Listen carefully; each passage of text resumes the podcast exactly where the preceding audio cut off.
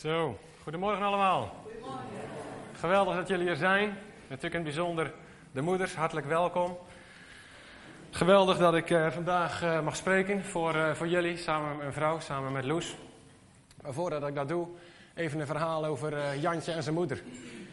Jantje die stond in de badkamer naar zijn moeder te kijken, terwijl ze allemaal crème op haar gezicht stond te smeren. En hij zegt, mama, wat ben je aan het doen? Waarom doe je dat? Ja, zegt uh, mam, dat, uh, dat doe ik omdat mama graag mooier wil worden. Maar vijf minuten later zit mama met een doekje al die crème weer van haar gezicht uh, af te vegen. Ja, zegt Jantje, mam, het wil nog niet erg lukken, hè? Nee. Goed. Vandaag willen we samen met jullie nadenken over het moederschap. En daarom is het thema vandaag voorbeeldmoeders. Voorbeeldmoeders. Moeder zijn, dat is volgens mij een geweldig voorrecht en tegelijkertijd is het een geweldige verantwoordelijkheid. Een verantwoordelijkheid die niet altijd even makkelijk is. Sterker nog, in de gebroken wereld waarin wij leven, is het misschien wel een van de grootste uitdagingen van het leven om een goede moeder te zijn. Phil Wijzenhunt, ik ken de man niet, maar het moet een wijze man zijn geweest en die deed een mooie uitspraak. Hij zei, er bestaat geen grotere bediening en geen positie met meer invloed op deze wereld dan het moederschap. En vandaag is het moederdag. Een dag dat alle moeders in het zonnetje gezet worden. En dat doen wij hier ook. En met alle moeders, daar bedoelen wij vandaag mee alle vrouwen die een moederrol vervullen. Want niet iedere vrouw is moeder in biologische zin. En daarom is Moederdag misschien ook best wel eens een beetje een moeilijke dag.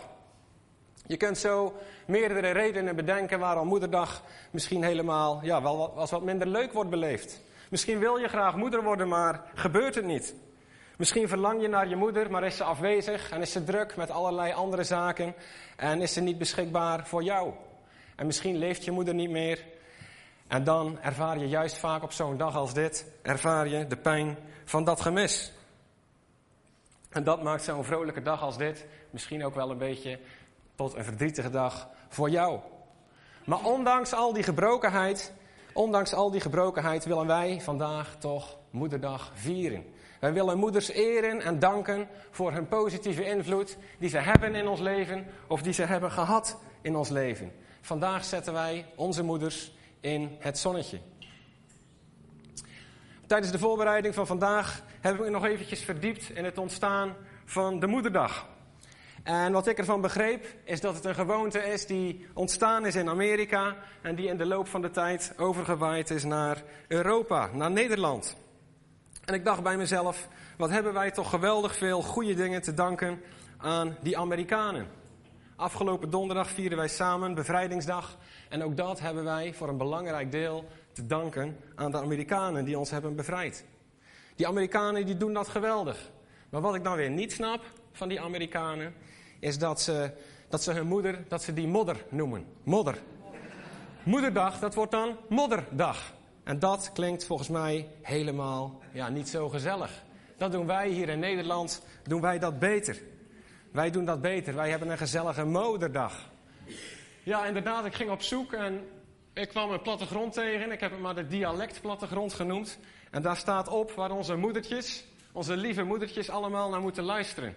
En ik heb een beetje ingezoomd op Limburg. En dan zie je inderdaad dat er van alles wordt gezegd. Moeder, moeder, moeder. Mam, mooier, moeier, mooier, moos. Maar wat ik ontdekte, zijn er hier mensen uit de buurt van Vaals. Die zeggen ook modder. Ja, het staat er. Modder. Ik heb nog even gekeken voor de Friesen, want we hebben ook Friesen in ons midden en die zeggen height en man. Man, oké. Okay. Height en man. Maar goed, hoe je het ook uitspreekt. Ja, hoe doen we het in Twente? Weten we niet. Vandaag vieren wij hier in de kerk Moederdag. En nu vroeg iemand aan mij, is dat eigenlijk wel geestelijk? Hoort dat wel thuis in de kerk, zo'n moederdag? En dat is een goede vraag. Ik hou wel van mensen die vragen stellen, want dat zorgt er altijd weer voor dat je nadenkt: waarom doen we hier in de kerk wat we doen? En wat is het antwoord op die vraag? Ja, ja natuurlijk. Natuurlijk hoort Moederdag thuis in de kerk. Om te beginnen is het God zelf die het moederschap heeft bedacht. Toch? En bovendien is het eren van je vader en moeder is één van de tien geboden.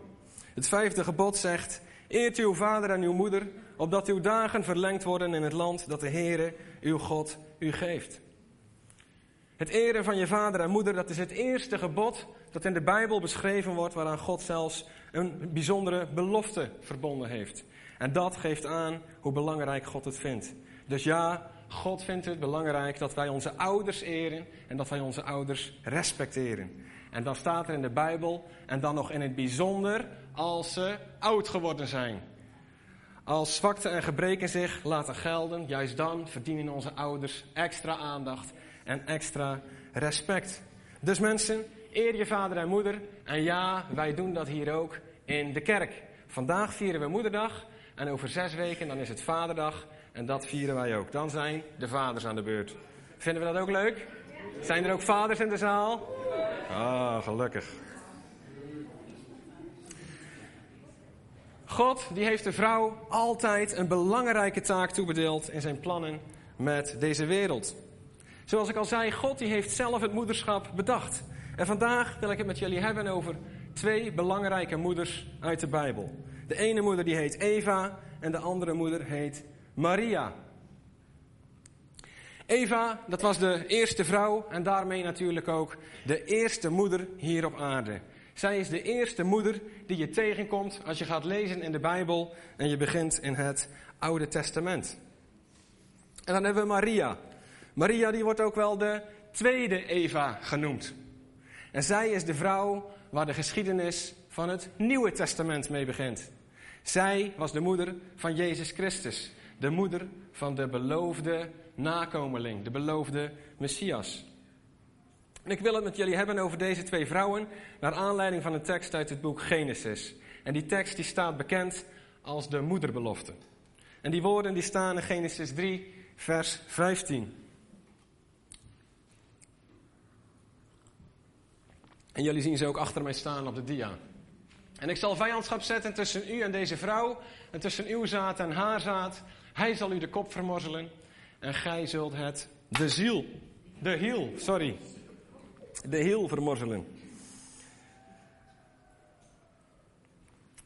Deze woorden van de moederbelofte, zoals deze tekst heet, die worden door God zelf uitgesproken in het paradijs, direct nadat Adam en Eva ongehoorzaam zijn geweest. En voor de liefhebbers, ik geloof dat het Jezus zelf was die deze woorden uitspreekt. Want we zien hier in het paradijs, zien wij een pre-existente Jezus die deze woorden sprak tegen Adam en Eva. Want in de Bijbel staat dat alles in hem, door hem en tot hem geschapen is. En dat is door Jezus. Dus Jezus die spreekt deze woorden van de moederbelofte uit in het paradijs tegen de slang. Dat is de duivel in het bijzijn van Adam en Eva. En wij kennen allemaal wel dat verhaal. God die had de mens gewaarschuwd. Als je van deze boom eet, als je van deze boom eet, dan volgt daarop de dood. Dus doe dat nou niet. En beste mensen, dat was een waarschuwing, dat is een waarschuwing uit liefde. Uit liefde. En dat moeten wij goed in ons hoofd zetten, want dat is vandaag de dag ook nog zo. God die vraagt van ons soms om bepaalde dingen niet te doen. En God die doet dat uit liefde. God die doet dat voor onze bestwil, omdat Hij van ons houdt. God die doet dat niet om ons te beperken, maar juist omdat het niet goed voor ons is. Desondanks verleidde de slang Adam en Eva toch om van die boom te eten. De mens die koos er zelf voor om ongehoorzaam te zijn. Maar toen de mens die domme keuze maakte, liet God de mens niet in de steek. En dat is nog steeds zo. Als jij domme keuzes maakt, God laat jou niet in de steek. Nee, direct na de ongehoorzaamheid sprak God woorden van genade. Sprak God woorden van liefde. En sprak God woorden van hoop. En die woorden van hoop, die vinden wij terug hier in deze moederbelofte. Deze woorden die worden de moederbelofte genoemd omdat dit een oerbelofte is. Alle andere beloften die jij tegenkomt in de Bijbel, die komen voort uit deze ene belofte. En laten we daar eens samen even goed naar kijken, naar die moederbelofte. Maar God die spreekt hier over vijandschap tussen het zaad van de slang, en dat is de duivel met zijn trawanten, en het zaad van de vrouw. En ik heb dat alvast maar eens met een hoofdletter geschreven. Het zaad van de slang, aan de ene kant, zal leven in vijandschap met het zaad van de vrouw. En God die zegt hier tegen Eva, let op, op het moment dat ze nog geen kinderen heeft, dat uit haar zaad een nakomeling geboren zal worden, die af zal rekenen met het zaad van de slang. God die voorzegt hier, in deze tekst, in deze moederbelofte, dat er uit het nageslacht van de vrouw iemand geboren gaat worden die af zal rekenen met de slang. En als je de kop van een slang vermorzelt, dan is het gedaan. Dan is het over en dan is het uit. Als je hem op zijn kop stampt, dan is de slang dood. En zo voorspelt Jezus zelf hier in Genesis al dat de listige slang het onderspit gaat delven en uiteindelijk verslagen zal worden. God die heeft de mensheid, en dat is dus ons, vanaf het allereerste moment beloofd. Ik ga de problemen waar jullie zelf voor gekozen hebben, ik ga de problemen waar jullie in zitten, die ga ik voor jullie oplossen. En hoe gaat God dat doen? Door het zaad van de vrouw. In de Hebreeuwse tekst, in de grondtekst, staat er over dat zaad, en dat hebben we net al gelezen. Hij verbrijzelt je de kop. Enkelvoud staat daar. Enkelvoud. Dat zaad, dat is een hij.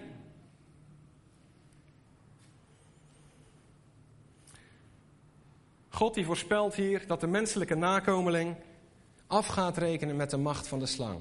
En wauw, zie je dat?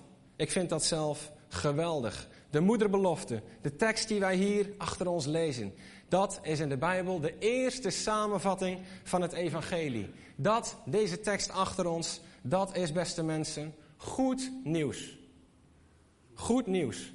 God die geeft direct nadat de problemen daar zijn, vertelt hij goed nieuws aan Adam en Eva. En Adam en Eva, die geloofden de woorden van God. En hoe weten wij dat? Omdat Adam de naam van zijn vrouw veranderde. Toen Eva geschapen werd, wij weten dat, Eva die werd geschapen uit de rib van Adam. Toen noemde Adam, die noemde zijn vrouw Maninne. En Maninne, dat betekent uit de zij, uit de man genomen. Maar na deze gebeurtenis noemde Adam zijn vrouw Eva. En Eva, dat betekent de moeder aller levenden. Ondanks dat de dood zijn intrede had gedaan, geloofden Adam en Eva dat het leven zou overwinnen. En waarom geloofden ze dat? Omdat Jezus zelf, omdat God zelf deze woorden tot hen sprak. Ze wisten, deze situatie waar wij nu in zitten, die is niet voor altijd. En vanaf dat allereerste moment, daar in Genesis, is de mens in verwachting in verwachting. In verwachting van de nakomeling. In verwachting van de Messias. In verwachting van de gezalfde. In verwachting van de beloofde. Vanaf dat moment kijkt de hele schepping rijkhalzend uit naar de komst van de beloofde verlosser. En naar de komst van de zonen Gods die opstaan, die op zullen staan. En de verwachting van die nakomeling, dat is de rode draad in het Oude Testament, als je dat Oude Testament gaat lezen. Denk maar aan de belofte van God aan Abraham. Wat zei God tegen Abraham? Door jouw nakomeling zal de hele wereld gezegend worden. Of door jouw nakomelingen? Nee, Paulus die schrijft in de brief aan de Galaten, let op wat daar staat. Daar staat niet de nakomelingen, daar staat de nakomeling enkelvoud. Door jouw nakomeling zal de hele wereld gezegend worden. Ze waren in verwachting van de nakomeling. En Abraham die wist, na mij, uit mijn geslacht, zal deze nakomelingen voort gaan komen. En om die reden lees je soms, en ik hoop dat jullie ook de Bijbel lezen, dan lees je soms van die ellenlange geslachtsregisters. En dan denk je, ja wat moet ik daar nou mee? Wat moet ik nou met al die namen? Nou, dat is om aan te tonen dat de nakomeling geboren wordt uit de geslachten, zoals dat geprofeteerd wordt in de Bijbel. Dat is om de betrouwbaarheid van die beloften, de beloften van God, aan te tonen. En tussen het ontvangen van de belofte en dan de verwerkelijking van die belofte, daar zit vaak heel veel tijd. heel veel tijd tussen. Wij hebben geloof nodig en wij hebben geduld nodig om de beloften die God aan ons geeft te beërven. Om die te krijgen en in ons bezit te, te nemen. Geduld is een schone zaak. En dan, na heel veel geduld in de geschiedenis, dan komt daar Maria in beeld. Maria, de nakomeling die zou geboren worden, herinner je je dat nog? Uit het zaad van de vrouw. En dat is heel bijzonder dat daar gesproken wordt in Genesis al over het zaad van de vrouw. Want normaal spreek je, en zeker in de Bijbel, spreek je over het zaad van de man. Maar al in Genesis werd voorspeld dat de nakomeling geboren zou worden uit het zaad van de vrouw. De nakomeling die zou geboren worden zonder tussenkomst van een man. En dat werd al in Genesis voorspeld. De wijze waarop Maria zwanger zou worden. Maria, die ook wel de tweede Eva wordt genoemd, zei ik net al. Weet je, de eerste Eva, die luisterde naar de woorden van de slang. En wat was het resultaat? Het resultaat was dood. De tweede, de tweede Eva, dat is Maria, de moeder van Jezus, die luisterde naar de woorden van God. Die de engel Gabriel bij haar bracht. En wat zei ze? Mij geschieden naar uw woord. Maria, die luisterde naar de woorden van God. Ze geloofde de woorden van God. En ze bracht leven voort. Leven met een hoofdletter. En weet je, je kunt hier heel veel over zeggen. Maar wat wij hier vandaag uit mee willen nemen, is de les van het belang naar wie je luistert. Naar wie luistert, luister jij? En hier ligt een hele grote verantwoordelijkheid voor alle opvoeders van kinderen. En natuurlijk het bijzonder, in het bijzonder voor de moeders. Want wij hebben mensen die naar ons luisteren. En dat zijn onze kinderen. Onze kinderen die luisteren naar ons. Onze kinderen die kijken naar ons. En welke woorden spreek jij tegen jouw kind? Zijn dat woorden van dood of zijn dat woorden van leven? Vandaag is het thema voorbeeldmoeders. En het is belangrijk dat je jezelf realiseert dat je altijd een voorbeeld bent. Op ieder moment. Soms ben je een positief voorbeeld en soms ben je een negatief voorbeeld. En ik wil met jullie naar een filmpje kijken dat is gemaakt door de Australische Kinderbescherming. En dat filmpje is gemaakt om ouders het bewustzijn bij te brengen wat het effect is van hun gedrag op hun kinderen. Hoe snel kinderen ons gedrag kopiëren. En daar ligt een belangrijke verantwoordelijkheid. Natuurlijk voor de moeders, maar ook voor de vaders. En uiteindelijk voor alle opvoeders. Ja, een confronterend filmpje, heftig uh, om te zien. En het is inderdaad belangrijk om te beseffen dat je altijd een voorbeeld bent. En inderdaad soms een positief voorbeeld en soms een negatief voorbeeld. Maar laten we vooral niet ontmoedigd raken door dit filmpje, maar het zien als een kans om een positief voorbeeld te zijn. En het filmpje eindigt ook met de woorden van wees, heb een goede invloed. In het begin van de dienst zagen we een heel mooi filmpje waarin trotse kinderen mooie woorden spreken over hun moeders. En als je goed hebt geluisterd, dan heb je kunnen horen uh, dat ze hun moeder of hun ouders als voorbeeld nemen. En is je moeder zorgzaam, gastvrij of actief? Nou, grote kans dat jij dat ook bent. Want wat je ontvangen hebt, dat geef je vaak weer door. En je ziet je ouders iets doen en de kans is groot dat jij het ook gaat doen. Ja, en dan is het geweldig dat je datgene, het positieve wat je van je ouders hebt ontvangen, dat je dat weer mag doorgeven aan je eigen kinderen, aan de volgende generatie. En een mooie tekst uit het Bijbelboek Ezekiel, die spreekt daarover. Je moeder was een wijnstok, net als jij aan het water geplant, die vruchten droeg en vele takken, want er was water in overvloed. En het is natuurlijk heel mooi dat je opgegroeid bent in een liefdevol en veilig gezin. En in het filmpje horen we de, de mooie, de positieve kant. En dan ben je ook enorm gezegend. En ik ben mijn ouders ook heel dankbaar. Ze hebben mij liefde gegeven, veiligheid en ze hebben hem ook los kunnen laten. Maar waar ik vooral ook heel blij en dankbaar voor ben, is dat ze me al van jongs af aan hebben verteld over, over God, de verhalen uit de Bijbel vertelden. En daarin zijn ze een groot voorbeeld van me geweest. Dat is ook, ook mede de reden dat ik hier sta, dat ik het geloof heb ontvangen wat hun ook aan mij hebben gegeven. Maar hoe vaak zien we helaas, zoals in dat filmpje dat jullie net hebben gezien, dat de verkeerde patronen worden doorgegeven in de generaties. Patronen van misbruik, verslaving, angst, agressie. En hoeveel ouders wijzen ook ja, hun kinderen af en spreken negatieve woorden over ze uit. En als een kind dan volwassen geworden is, ja, dan doet hij soms hetzelfde. Ook al had hij nog zo voorgenomen, ik ga het anders doen. En negatieve patronen kunnen ook minder, meer subtiel zijn. Niet zoals in het filmpje, maar het kan zijn bijvoorbeeld dat je ouder um, ja, de lat altijd heel hoog voor zichzelf heeft gelegd. Presteren, hard, je, hard werken, je best doen, dat was heel belangrijk. En misschien heb jij nu last van perfectionisme. Het is nooit goed genoeg voor jezelf. Maar het kan ook zijn dat je geleerd hebt als kind om maar niet over je gevoelens te spreken en ze voor je te houden. Want je ouders spraken ook niet over gevoelens. Het werd zelfs afgeremd. Er werd niet gevraagd naar hoe jij je voelde. En dan is het heel lastig als volwassene om je emotie te uiten en daarover te spreken. Dus hoe ouders zich hebben gedragen, dat beïnvloedt ons gedrag. En ouders zijn dus ook altijd een voorbeeld voor ons. En vaak willen we het beter doen dan, dan onze eigen ouders. Dan denken we, goh, dit heb ik niet gehad, nou dat wil ik mijn eigen kinderen wel geven. Ik denk vaak na over wat ik wil doorgeven aan mijn kinderen en wat juist niet. En ook ik probeer het als ouder zo goed mogelijk te doen. Maar ook ik slaag er niet in, net als mijn eigen ouders, om het perfect te doen.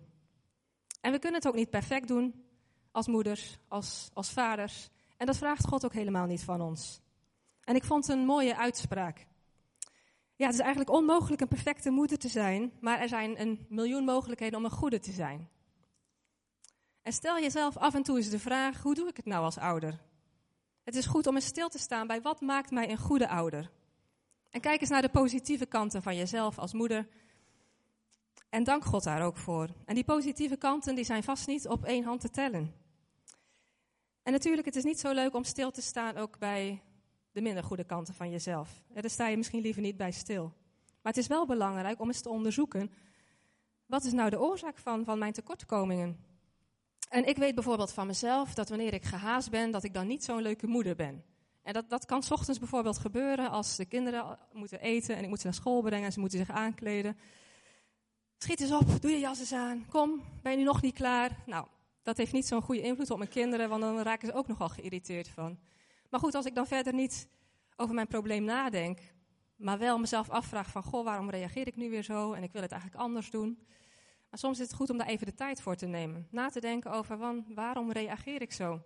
Goed, en in mijn geval is de oplossing denk ik heel simpel. Dat ik gewoon wat eerder op moet staan, zodat ik wat, meer tijd heb. Maar ja, denk dus ook eens na over wat maakt je nou zo gestrest? Wat maakt je geïrriteerd en wat maakt je verdrietig? En wat zijn je zorgen? Wat zijn je problemen? En wanneer je daarbij stilstaat en dat weet, dan kan je op zoek gaan naar een oplossing. Je kan ook gaan leren om anders te reageren op situaties.